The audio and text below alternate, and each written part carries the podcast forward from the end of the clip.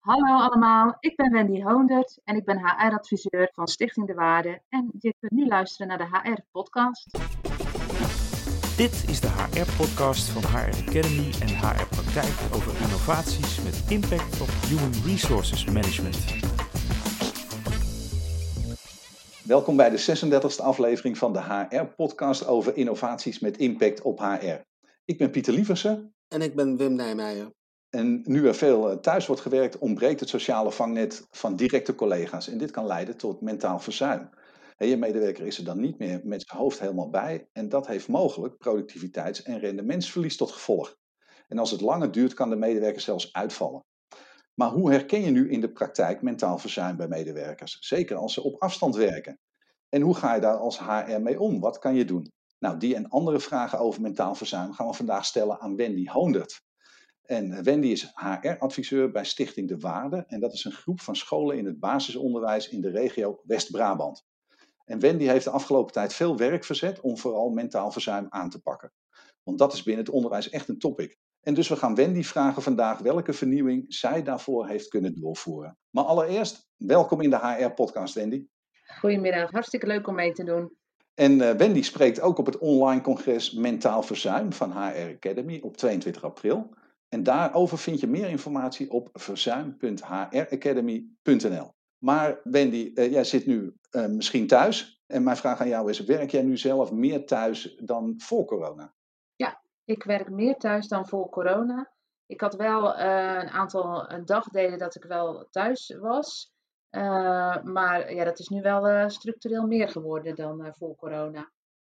En, en valt jou dat zwaar om thuis te werken en niet meer op kantoor? Nou, zwaar vind ik wel een heel uh, zwaar woord, om het zo te zeggen.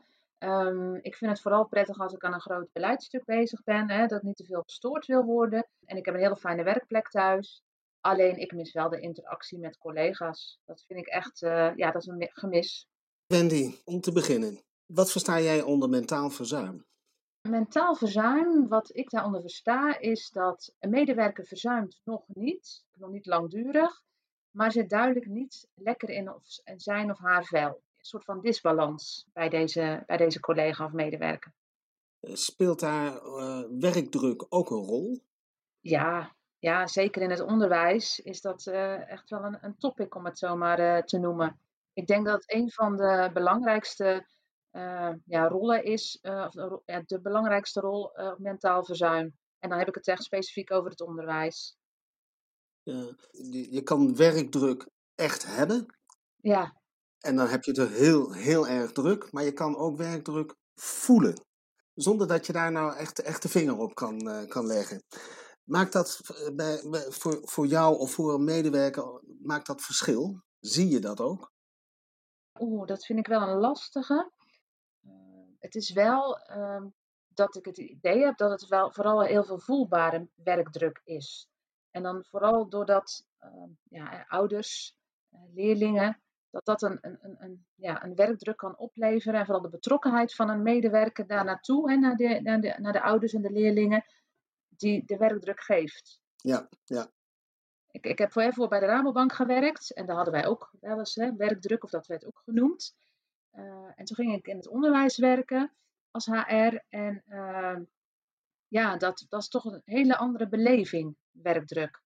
Ja, maar nu staan leraren uh, in het basisonderwijs, die staan eigenlijk in de frontlinie. Uh, ze, ze lopen risico, ze kunnen daardoor ook werkdruk voelen, ze kunnen ook echt ziek worden.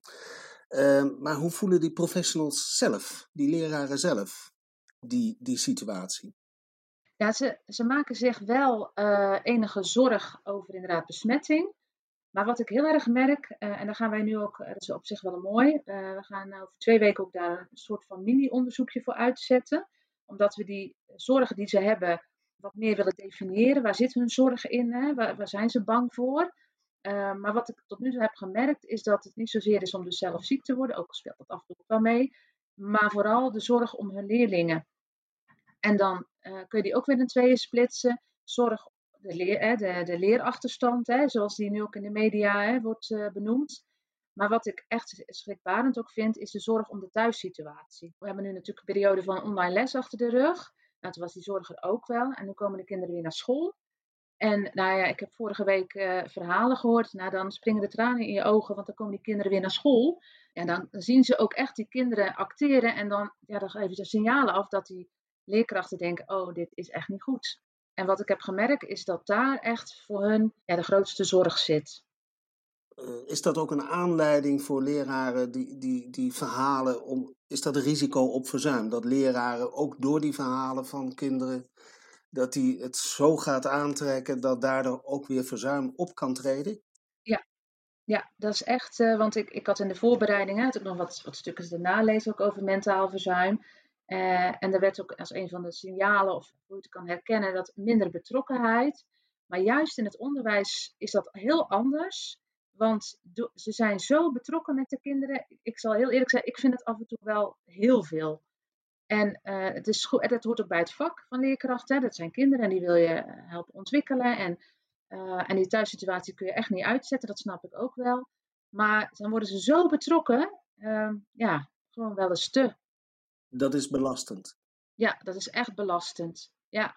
Uh, nu is het natuurlijk al onbekend dat uh, voor de klas staan uh, dat het mentaal zwaar kan zijn. Dat gaf je net zelf ook al aan. En is het zo dat jullie eigenlijk sinds corona extra aandacht aan de mentale kant besteed hebben? Of was dat eigenlijk al gewoon de gangbare praktijk bij jullie organisatie?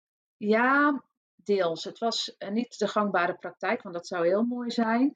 Maar zo af en toe gaven daar wel aandacht aan. Het was nog dat is nog niet structureel, maar nu zeker met corona ja, komt dat gewoon veel meer naar boven. Geven er ook veel meer aandacht aan. Om even een voorbeeld te geven, wat we hebben gedaan bijvoorbeeld is in juni hè, 2020 mochten de scholen weer deels open. Nou, we hebben elke, ja, het ligt een beetje aan de situatie, maar regelmatig corona-crisisoverleg noemen we dat. Dat zijn de directeuren, de leidinggevende, de bestuurder en, en ik. En uh, nou, toen was er heel veel zorg bij uh, leerkrachten en dat konden we niet echt definiëren. En ze hadden behoefte aan gesprekken. Alleen, uh, of ja, om hun verhaal kwijt te kunnen, zij de directeuren, de leidinggevende. En nou, we hebben een hele fijne arbodienst en die hebben ook een, een psychologentak, zou ik maar zeggen. Dus dan was een soort van hulplijn waar leerkrachten gewoon zo naartoe konden bellen en hun verhaal konden doen. dus dat hebben wij bijvoorbeeld ingezet om ze daarin te ondersteunen. Want ze kunnen ook gewoon, als er reden toe is, naar een psycholoog hè, vanuit de arbodienst. Uh, maar soms voelen mensen daar wel een drempel. Hè? Dan moet je een afspraak maken. En als je ja, redelijk anoniem kan bellen naar zo'n psychologenlijn, dan is dat wat laagdrempeliger. Ja, en uh, in de introductie net heb ik een, eh, een, korte beschrijving gegeven van wat mogelijke verschijnselen. Maar hoe uitzicht uh, de kans op mentaal verzuim? Met andere woorden, hoe ontdek je of detecteer je aankomend mentaal verzuim bij leerkrachten? Ja, dat vond ik ook best een lastig in eerste instantie. Um, hoe je het, het kan zien, of horen, of merken, hè, hoe je het maar wil benoemen. In, in ieder geval zintuigelijk kan waarnemen. Is het klagen? Het is zo zwaar, ik heb het zo zwaar. En dan ook vaak niet eens zozeer van en hoe dat dan komt buiten zichzelf. Hè. Het komt door de werkdruk, hè, want dat weet je toch. Het is uh, heel zwaar in het onderwijs. En wat we ook hebben gemerkt, wij hebben in september 2020 een werkvermogensmonitor uh, uit laten voeren. Dat is een onderzoek gebaseerd op het Huis van Werkvermogen. Daaruit worden ook vragen gesteld over slapen. En uh, nou, daar schrok ik best wel van, uh, want de benchmark, hè, wat normaal is, is 80% geeft aan voldoende te kunnen slapen. En heel veel schoolteams zaten daar ver onder. Dus dat is ook wel een uh, signaal. En wat ik net ook al in het vorige stukje even zei over die betrokkenheid, dat, ja, zo noem ik het dan maar, daarin doorslaan, te betrokken worden. Ja, het is bijna de rol van de ouder gaan overnemen. Maar geven leerkrachten vooral zelf aan dat ze het zwaar hebben? Hè? En dan niet alleen vanuit de klagende zin, om het maar even zo te zeggen: ik heb het zwaar, maar dat ze er echt iets mee willen? Of moet dat meestal nog door de leiding of door collega's of door anderen aangeslingerd worden? Ja, dat, ook dat ja, is ook wel wisselend. Er zijn leerkrachten die bijvoorbeeld dat, die dat makkelijk uit zichzelf zeggen. Maar wat ik toch ook wel merk, is dat het nog wel vaak vanuit de leidinggevende moet worden aangezwengeld. Ja, en collega's, want ook de, het is niet alleen de betrokkenheid naar de leerlingen en de ouders, maar ook zo'n zo'n schoolteam is, kan, kan bijzonder hecht zijn daarin. En is dat, is dat ook uh, zeg maar de verantwoordelijkheid met name van uh, de leiding om nader mentaal verzuim te signaleren? Ja, ja. Bij ons wel, ja. We proberen wel ook de leerkracht daarin aan te spreken. En een voorbeeld daarvan is wij hebben twee jaar geleden het hele verzuimbeleid geïmplementeerd. En ja, dat is een boekwerk van 15 pagina's. Dat gaat niet iedereen lezen. En wat we hebben gedaan, hebben we een infographic gemaakt. En daarin hebben we ook stukje preventief opgenomen met, een, eh, met mooie kleuren, kleuren van waarde en een eh, stroomschema van heb je klachten, blijf niet mee lopen en dan een voorbeeld van een aantal klachten. Ga naar je leidinggevende of ga naar je huisarts, de adviseur van de arbodienst. Uh, dus ja, ook toch wel de leerkrachten zelf daarop aanspreken. Wendy, betekent dat ook dat je stimuleert dat leerkrachten zelf bewust zijn dat mentaal verzuim bestaat? dat ze het begrip kennen. Ja, mentaal verzuim, als ik dat nu zo in een groep zou noemen, hè, leerkrachten, dan zouden ze wel even een beetje vreemd aankijken. Uh, maar we stimuleren wel ja, dat ze denken, hé, hey, dit is niet oké, ik zit niet helemaal lekker in mijn vel. En dan ook niet van, en dan moet het zelf maar oplossen. Nee, daar willen we jou als, als werkgever ook bij helpen. En dan benoem je meer de, de verschijnselen, ook in die infographic, dan dat je er meteen het label van mogelijk mentaal verzuim op plakt. Nee, dat doen we echt, dat doen we zeker niet. Nee. Stel dat je, het, eh, dat je het herkent bij jezelf, is de structuur binnen een schoolteam zodanig dat je het ook vrij kan bespreken? Ja, ja. Als iemand toch bijvoorbeeld een drempeltje zou voelen, wat we hebben gedaan, dat was ook naar aanleiding hè, van een eerdere werkvermogensmonitor die we hebben uitgevoerd in 2018. Is we hebben heel het, de beoordelingen of de gesprekscyclus onder de loep genomen. Het was nu echt uh, tot op tot 2018 uh, beoordelend, hè, een functioneringsbeoordelingsgesprek. En ik heb dat samen met een aantal directeuren hebben we daar een, een grow-gesprek van gemaakt. Een grow staat voor groei, ontwikkeling. En in dat gesprek, natuurlijk is één keer per jaar doe je evalueren. En dan gaan we natuurlijk wel hebben van, hè, heb je de stap al kunnen nemen? Hoe is jouw ontwikkeling geweest? Dus een stukje beoordelen zit er wel in. Maar wat we daarnaast ook nog hebben gedaan, is een vragenlijst toegevoegd als een soort van handvat voor de, voor de leidinggevende. Met allemaal vragen over het huis van werkvermogen, over jouw werkvermogen. En gewoon hele open vragen, zodat en de medewerker zich uitgenodigd voelt om hè, aan basis van die vragen, antwoorden of de antwoorden te kunnen aangeven van hé, hey, oké, ja, ik zit eigenlijk helemaal niet of ik zit juist wel heel goed in mijn vel. Maar ook voor de, voor de leidinggevende, zo van hé, hey, oké, daar zit dus niet helemaal goed. Uh, ja, wat zouden we daar aan kunnen doen? Ja. Corona uh, is natuurlijk een aanleiding om heel erg te letten op uh, mentaal verzuim. Maar mentaal verzuim is ook uh, van alle tijden eigenlijk, hè? Ja, ja, dus heb een heel mooi voorbeeld, hè, ook in voorbereiding op dit gesprek. Dat was, ik was uh, twee dagen bij de waarde aan het werk, februari 2018. En belt een leidinggevende uh, ja, uh, Truus heeft zich ziek gemeld. En februari heb ik het over. En die komt de rest van het jaar niet meer terug, want die heeft een burn-out. Ik was helemaal in shock. En ja, regel je even een vervanger? Ik zei, ja, ik zei, maar ben jij bedrijfsarts? ja, ik snapte er helemaal niks van. En dat kwam dus vrij regelmatig toen ik net begon kwam dat, kwam dat voor? Nou ja, ik heb dus gemerkt um, dat in de jaren daarvoor uh, ja, was gewoon wat minder aandacht voor medewerkers. En zo'n zo medewerker heeft dan al duidelijk wat signalen afgegeven of hè, zijn dingen gebeurd. Ja, en dan komt er uiteindelijk die ziekmelding en dan is het, dan is het klaar en dan is het iemand helemaal in de lappenmand. Uh, en wat ik eigenlijk mee wil zeggen, van ja, het is, ja, ik heb het ook met mijn vorige werkgever meegemaakt het komt inderdaad, het is van alle tijden. Alleen nu met corona komt het nog ja, heftiger naar, uh, naar boven. En het is ook moeilijker om de signalen op te pikken. Want uh, ja, het welbekende achter een schermpje.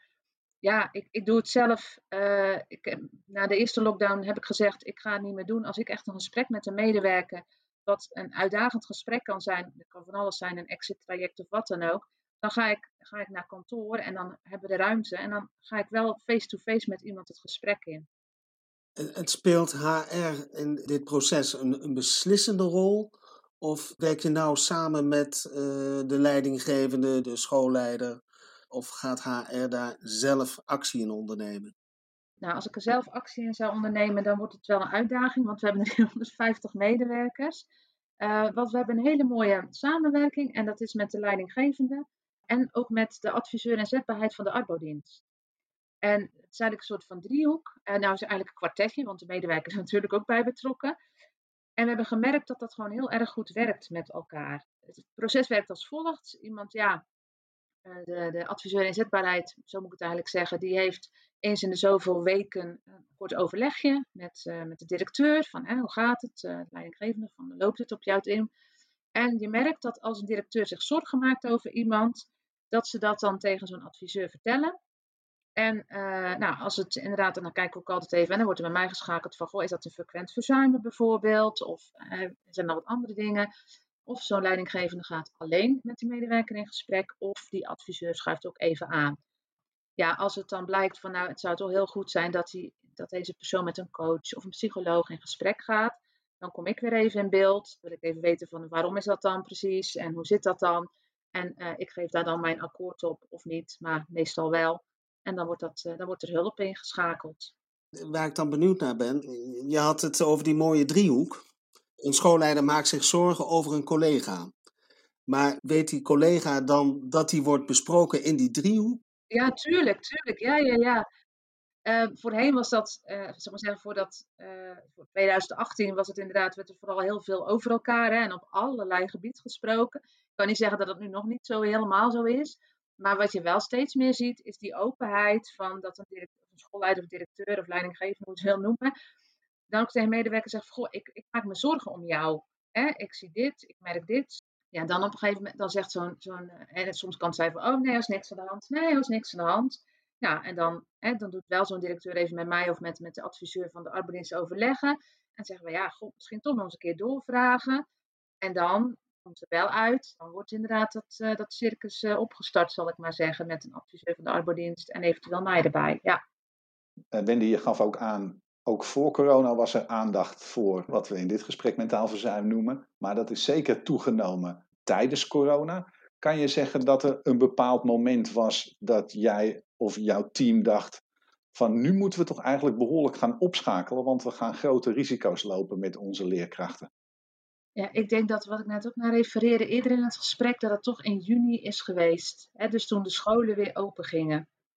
Wat voor extra maatregelen heb je dan kunnen nemen? Wat ga je dan eigenlijk als, als eerste doen als je ziet van de scholen gaan weer open, er komt extra druk, we moeten wat gaan doen?